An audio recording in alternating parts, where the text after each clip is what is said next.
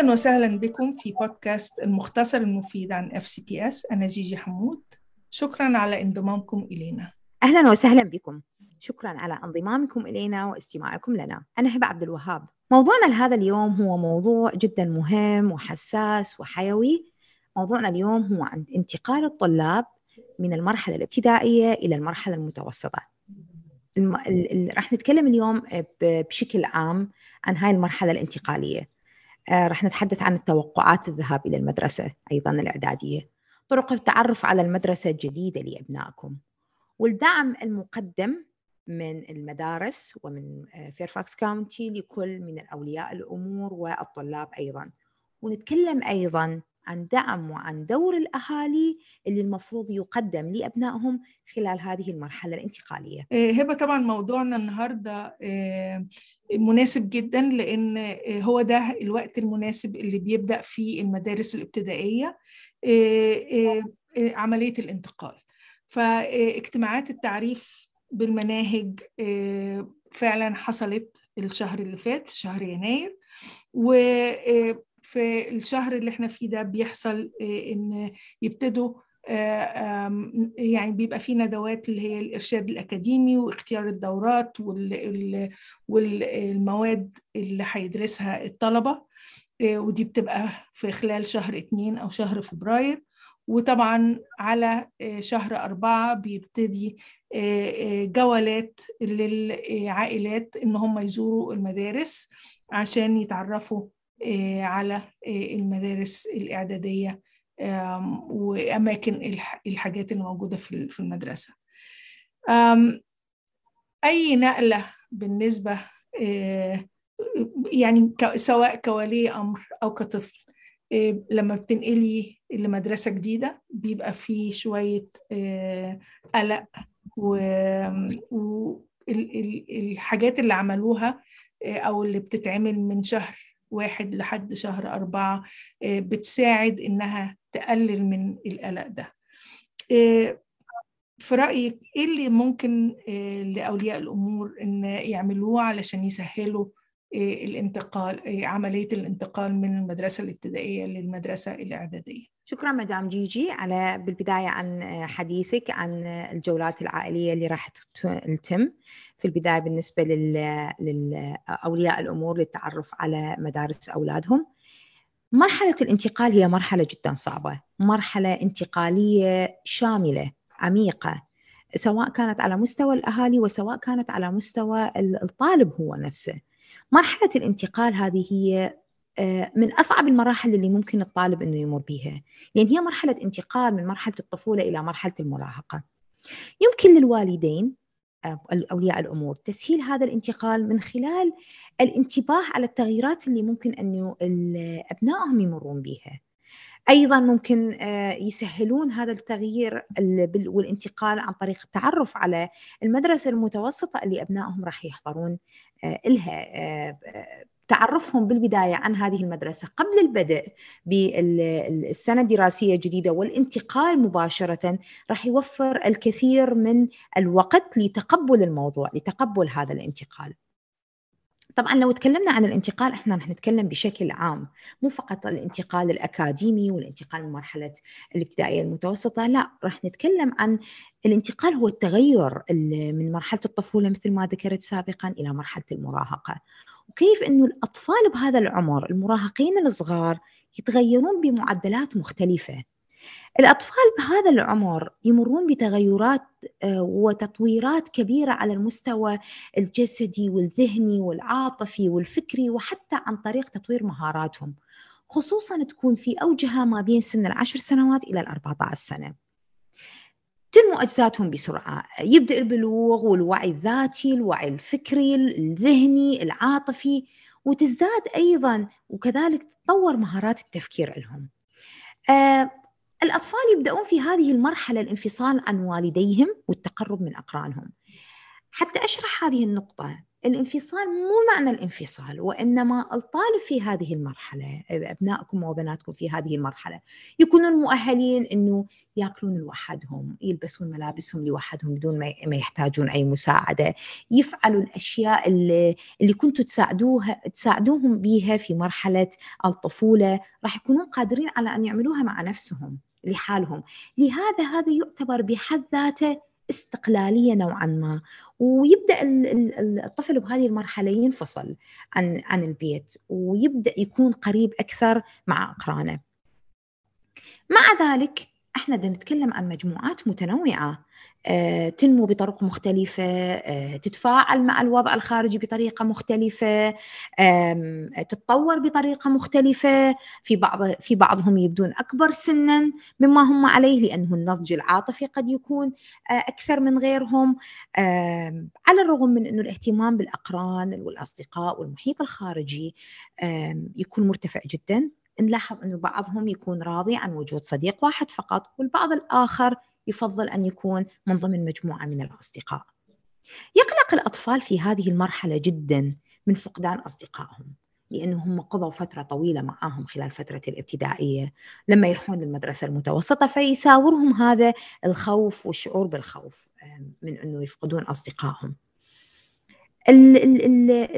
العبء الملقاة على عاتق الأهل في هذه المرحلة هو تشجيع الأطفال على البقاء على اتصال مع زملائهم اللي في المدرسة سابقا التخفيف من مشاعر هذه المرحلة الانتقالية الانتباه لهذه الانتقالات أن نكون قريبين من عندهم قريبين من آه من من أحاسيسهم قريبين من مشاعرهم قريبين من مخاوفهم والمخاوف اللي ممكن أن تساورهم.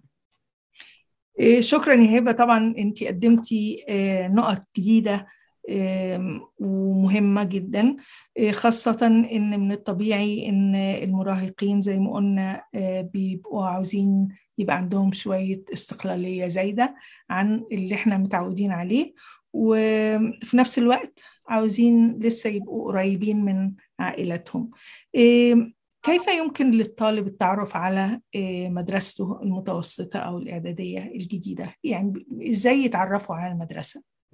نعم مدام جيجي طبعا هذا سؤال جدا مهم.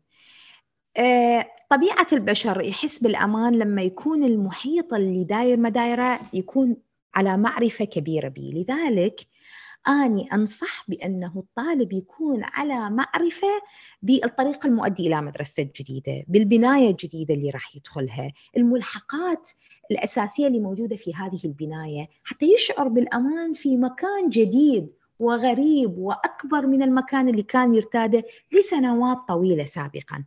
لذلك إتقان المعرفة بالمدرسة الجديدة هو من أولى خطوات التغلب على المخاوف والعثرات اللي ممكن الطالب يواجهها خلال الفترة الأولى. تعلم التخطيط، تطوير مهارة التخطيط كيف راح أشوف الفصل الجديد مالتي؟ شو راح أتذكر؟ جدول الحصص. هل راح أكون مع أصدقائي؟ بهذه الفترة. هل سأتمكن من فتح الخزانة الخاصة بي؟ هذه من النماذج اللي المخاوف اللي ممكن أن الطالب يواجهها لأنه المرحلة المتوسطة تماما من خلال التنظيم الداخلي للمتوسطة تماما مختلفة عن المرحلة الابتدائية. الطالب راح يكون هو يتولى المهام القيام آه، القيام بهذه المهامات لوحده. ففي البداية أكيد راح تكون الأعباء الملقاة عليه آه، راح تكون كبيرة بالنسبة له لكن بمساعدة الأهالي آه، تفكيرهم آه، بأنه هل أنت راقبت مثلا فصلك؟ هل أنت حفظت رقم الفصل اللي راح تروحه؟ هل أنت مثلا حفظت مكان الخزانة مالتك؟ الرقم اللي راح تدخله؟ التقيت بأصدقائك؟ الوقت جدا مهم بالمناسبة لأنه الطالب بالمتوسطة مو يختلف اللحاق بالفصل الدراسي بالمرحلة المتوسطة يختلف عن المرحلة الابتدائية. فالطالب هو اللي راح يروح للحصة للفصل الدراسي. مو المدرسة هي اللي راح تجي داخل الفصل الدراسي الخاص به واللي يقضي به يومه كله مثل المرحلة الابتدائية. آه، لذلك الاهتمام بالوقت وعامل الوقت جدا مهم وأساسي. إيه، إيه sorry. إيه نعم. معلش أنا آسفة على بس كنت عاوزة أسألك على دور إيه المستشار الأكاديمي في المدرسة إيه الإعدادية لأنه بيختلف تماما عن دور أكيد. المستشار أو ال counselor الدور بيختلف تماما. فبالنسبة للمدارس الإعدادية إيه دور ال counselor؟ الدور ال counselor جدا جدا جدا مهم لأنه هو اللي يقدم الخطة الأكاديمية واللي يساعد على اختيار المواد والفصول الدراسية. فهذه الدور المستشار أو ال counselor يتم تجميع الطلاب في فرق وليس مع مدرسين أفراد. يتكون كل فريق من مدرسين لكل المواد الأساسية. طبعا يمكن لأولياء الأمور الاتصال بالمستشار الأكاديمي أو ال counselor لطلب عقد اجتماع مع المعلمين. أنا دائما دائما أنصح بهذه النقطة. نقطة جدا مهمة. أنا عندي أولاد عندي ابني بالإعدادية وبنتي في المتوسطة ودائما ما آه لما تكون في حلقة مفقودة عندي بخصوص المجال الأكاديمي أطلب مقابلة الكونسلر اللي مسؤول على آه المرحلة المتوسطة أو المرحلة الإعدادية. نقطة أيضا مهمة أحاول أن أذكرها هنا. حضور الأهالي للاجتماعات المخصصة لأولياء الأمور والطلاب راح يساعد على التعرف على بيئة المدرسة الجديدة عروض الدورات اللي يقدموها والمعلمين. مثلا إذا كانوا أبنائكم قلقين بشأن عدم معرفتهم للأماكن المختلفة أماكن ال counselor الغرف مالت ال office الملحقات المهمة والأساسية ممكن إنه خلال فترة الصيف إنه ممكن إنه تعملوا زيارة لمعرفة أماكن ووجود الفصول الدراسية وصالة الألعاب الرياضية والكافتريا وما إلى ذلك من الملحقات الأساسية والحيوية اللي موجودة داخل بناية المدرسة. إزاي نقدر كأولياء أمور نشجع أولادنا على الاستقلالية؟ نقطة جدا مهمة وجدا حساسة وهي سلاح ذو حدين لأنه من الصعب على أولياء الأمور المراهقين أن يعرفوا متى يتدخلوا ومتى يتراجعوا. وحتى أن تدخلوا إلى أي حد ممكن أن يقفوا؟ ومتى أن يتراجعوا؟ لأنه بعض المواقف تتطلب أن يواجه الطالب أن يواجه الموقف لحاله لأن هي جزء من بناء شخصيته. لكن بنفس الوقت وجود وقرب أولياء الأمور من أبنائهم وخاصة في هذه الفترة نقطة جدا مهمة وأساسية لتعزيز ثقتهم بنفسهم لتعزيز القواعد الأساسية اللي العائلة ربت أولادها عليه. نقطة أيضا أساسية ومهمة طبعا راح يستفاد من عندها الطلاب اللي راح يروحون للمدارس المتوسطة في هذه الفترة. مثل ما تذكرون الفترة اللي قضوها الأولاد في البيت خلال فترة الحظر الأولاد تطورت مهارتهم باستخدام الإنترنت. وتطورت مهارتهم باستخدام المواقع الإلكترونية اللي تساعدهم بالتواصل مع المدرسة والمدرس والمواد الأكاديمية. المدارس المتوسطة توفر أداة تخطيط وأدوات عبر الإنترنت لمساعدة الطلاب. فطالما أن الطلاب عندهم خلفية جيدة باستخدام الإنترنت وباستخدام الحاسبة وباستخدام التواصل الأكاديمي راح تكون هذه الأشياء سهلة بالنسبة لهم. هذه راح تساعدهم على تتبع الواجبات المنزلية الاختبارات المشاريع طويلة الأمد اللي ال project اللي ممكن يعملوا عليه. تتبع أعمالهم الدراسية وواجباتهم عن طريق ال Schoology المهام الفائتة مثلا انخفاض الدرجات إشارات مهمة لتدخل أولياء الأمور لمعرفة السبب.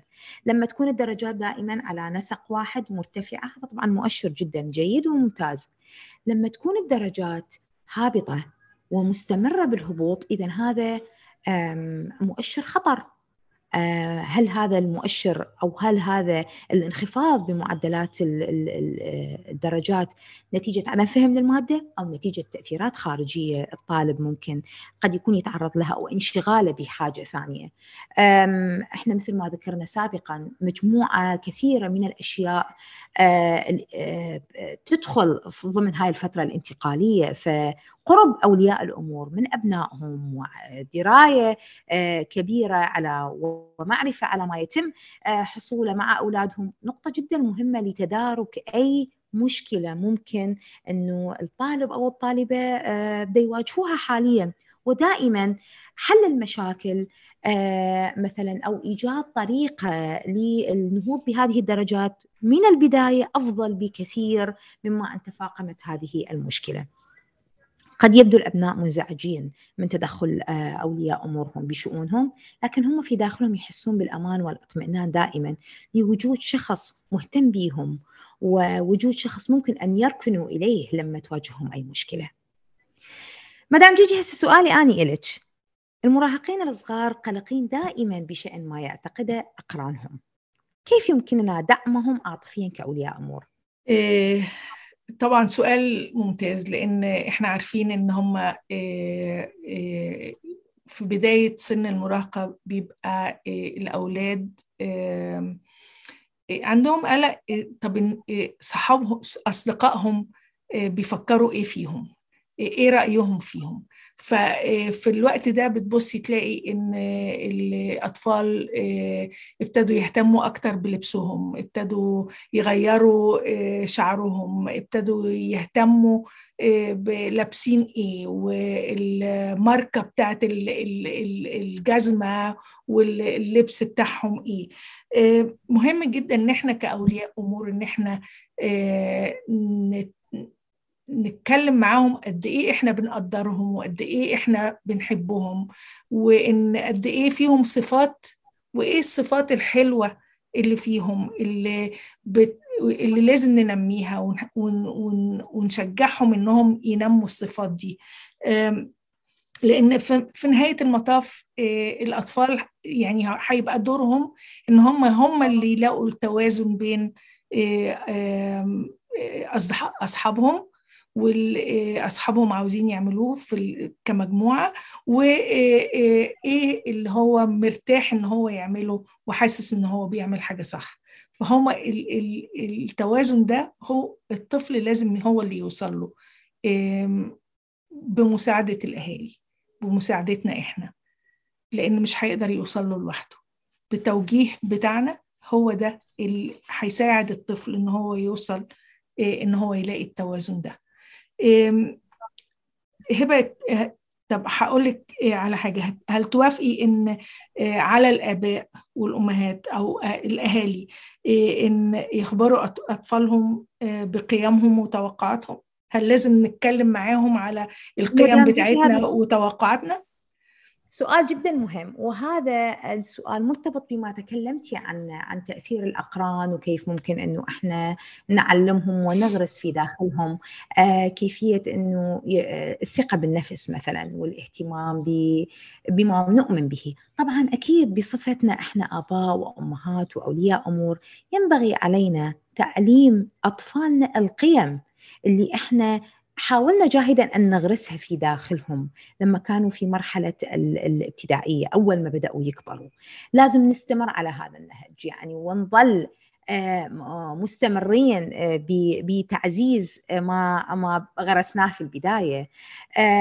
القيم المبادئ القوانين الخاصة بكل بيت وكل عائلة. يحتاج الصغار المراهقين إلى وجود قوانين. وهذه القوانين يجب أن تكون واضحة لا مجال للتلاعب بها. بشأن مثلا المواعدة مع الأصدقاء أو استعمال مواقع التواصل الاجتماعي أو أوقات استعمال الأجهزة الإلكترونية على سبيل المثال. نحاول في هذه الفترة مساعدة أبنائنا على مقاومة الضغوطات السلبية. كثير من الأشياء راح تحاوط أبنائنا في هذه المرحلة، كثير من الانعطافات راح تواجه طريقهم، وجود الآباء قريبين من أبنائهم في هذه المرحلة الحساسة نقطة جدا مهمة وأساسية.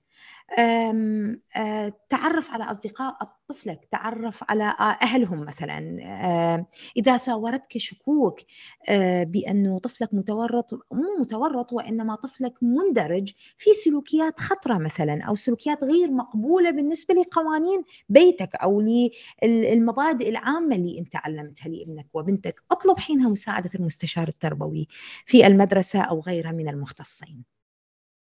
طيب مدام جيجي سؤالي الآن لك كيف يمكن للوالدين تقديم الدعم داخل المنزل؟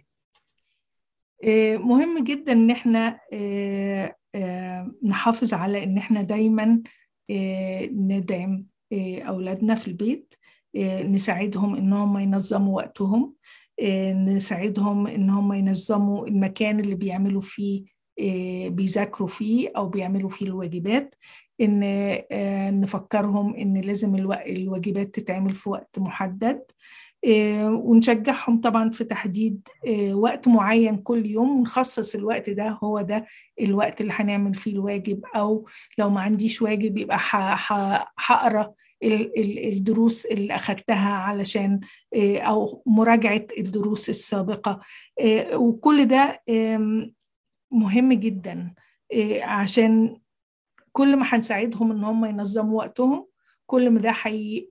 هتبقى من العادات اللي هياخدوها معاهم لما يكبروا.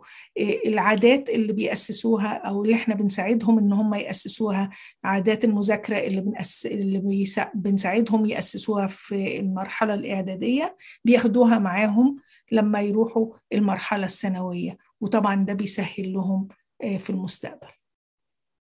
فعلا كلام جميل وأتفق جدا معك مدام جيجي الحضور المنتظم للمدرسة هو عامل أساسي وحيوي وفعال في النجاح في المجال الأكاديمي.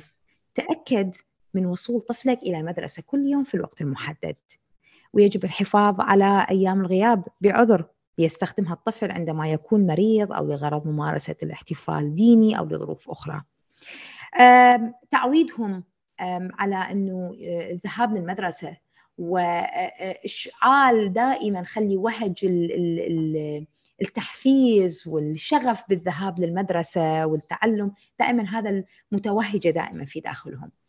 طبعا يمكن للأهل المساعدة في المسؤولية عن طريق الاتصال بخط الحضور والغياب في حال غياب الطلاب إذا لزم الأمر، أخبار المدرسة عن أمور تتعلق بالعائلة والصحة أو غيرها. كل هذه ال ال ال الأشياء اللي ممكن إنه الطالب يلتزم بها في هذه المرحلة مثل ما ذكرت ذكرت مدام جيجي تكون هي سلسلة متواصلة تمتد معه إلى نهاية المرحلة الثانوية وتساعد بشكل كبير على النجاح على المستوى الأكاديمي. أخيرا اكتشف طريقة يمكنك من خلالها الاتصال بمدرسة طفلك انضم إلى منظمة الآباء والمعلمين أو النوادي الداعمة للرياضة والموسيقى والفنون. تطوعوا للمساعدة في حدث للمدرسة قراءة النشرات الإخبارية والمدرسية وإشعارات البريد الإلكتروني. قوموا دائما بزيارة موقع المدرسة على ال website للتعرف عن الأحداث. اسألوا أطفالكم عن أيامهم. عن الساعات اللي قضوها خارج البيت عن أصدقائهم عن المشاكل مثلا أو الصعوبات اللي قد يواجهوها عن تفاعلهم داخل الصفوف ومع أصدقائهم. يمكنكم إظهار اهتمامكم بالمدرسة بطرق بسيطة جدا جدا. المشاركة الأهل في هذه المرحلة وجودهم قريبين من أبنائهم في هذه المرحلة ممكن أن يخلق جو من الأمان بالنسبة للطالب يحس أنه هو مو وحده. في مواجهة هذه المرحلة وإنما في من من يسانده في من يساعده في من يتفهم هذه المخاوف اللي يواجهها حاليا. خليهم جاهزين للانتقال إلى هذه المرحلة ومهيئين لها ومن ثم الموضوع يكون أسهل في حال انتقالهم إلى المرحلة الثانوية المرحلة الإعدادية. شكرا هبة. طبعا المعلومات اللي انت شاركتيها معانا وأتمنى أن موضوعنا النهاردة عن الانتقال من المرحلة الابتدائية للمرحلة الإعدادية إن هو يكون مفيد وشاركنا معاكم معلومات تساعدكم. هنكمل البرنامج. مكتب موارد الآباء في FCPS The Parent Resource Center. سيقدم مجموعة من الندوات باللغة العربية عن تنمية المهارات التربوية للعائلات العربية بداية من ثلاثة من شهر ثلاثة في المساء. لمزيد من المعلومات الرجاء زيارة موقعهم في الإنترنت. المعسكرات الصيفية رغم أننا ما زلنا في شهر اثنين إلا أن المعسكرات الصيفية بدأت الإعلان عن برامجها. يوجد معسكر ال Tech Adventure تحت رعاية FCPS في مدرسة Lake Braddock Secondary في شهر سبعة. هذا المعسكر أسبوعي مصمم لمنح الطلاب الفرصة لاستكشاف مجالات ال STEM والطهي الصحة الحرف اليدوية والتسويق. المعسكر مفتوح لطلاب الصف الثاني إلى الصف السادس. أما بالنسبة لطلاب من الصف السابع إلى الصف الحادي عشر أو الحداشر فيوجد معسكر ال CTE Summer Academy وده أيضا موجود في مدرسة ليك برادك سكندري الأماكن محدودة والتسجيل على أسبقية التقديم حتى شغل إن هم الأماكن تتملي. الروابط لهذه البرامج موجودة في وصف البودكاست. أعزائنا المستمعين لقد وصلنا إلى نهاية وقتنا معا. إذا كان لديكم موضوع ترغبون في معرفة المزيد عنه فما عليكم سوى إرسال بريد إلكتروني إلينا. العنوان موجود في الوصف. وشكرا على حسن استماعكم إلينا. أنا جيجي حمود. وخليكم فاكرين إننا نعمل سويا لنجاح أولادنا. شكرا جزيلا على انضمامكم لنا واستماعكم لنا. موضوع اليوم كان موضوع جدا حيوي جدا حساس جدا عميق. أتمنى أنه نكون قد أجبنا على مجموعة من الأسئلة اللي تراود أذهانكم بشأن مرحلة الانتقال. وقدمنا لكم اقتراحات بسيطة ممكن أن تساعدكم وتساعد أبنائكم في مواجهة مخاوفهم في مواجهة تحديات المرحلة المقبلة. موضوع البودكاست القادم راح يكون عن انتقال الطلاب من المدارس المتوسطة مرحلة الانتقال من المدرسة المتوسطة إلى المدرسة الثانوية. This program is produced by the Office of Professional Learning and Family Engagement with the support of Digital Learning Resources Services, Fairfax County Public Schools. هذا البرنامج ينتج ويدعم من قبل مكتب التعليم المهني والمشاركة الأسرية التابع لمدارس مقاطعة فيرفاكس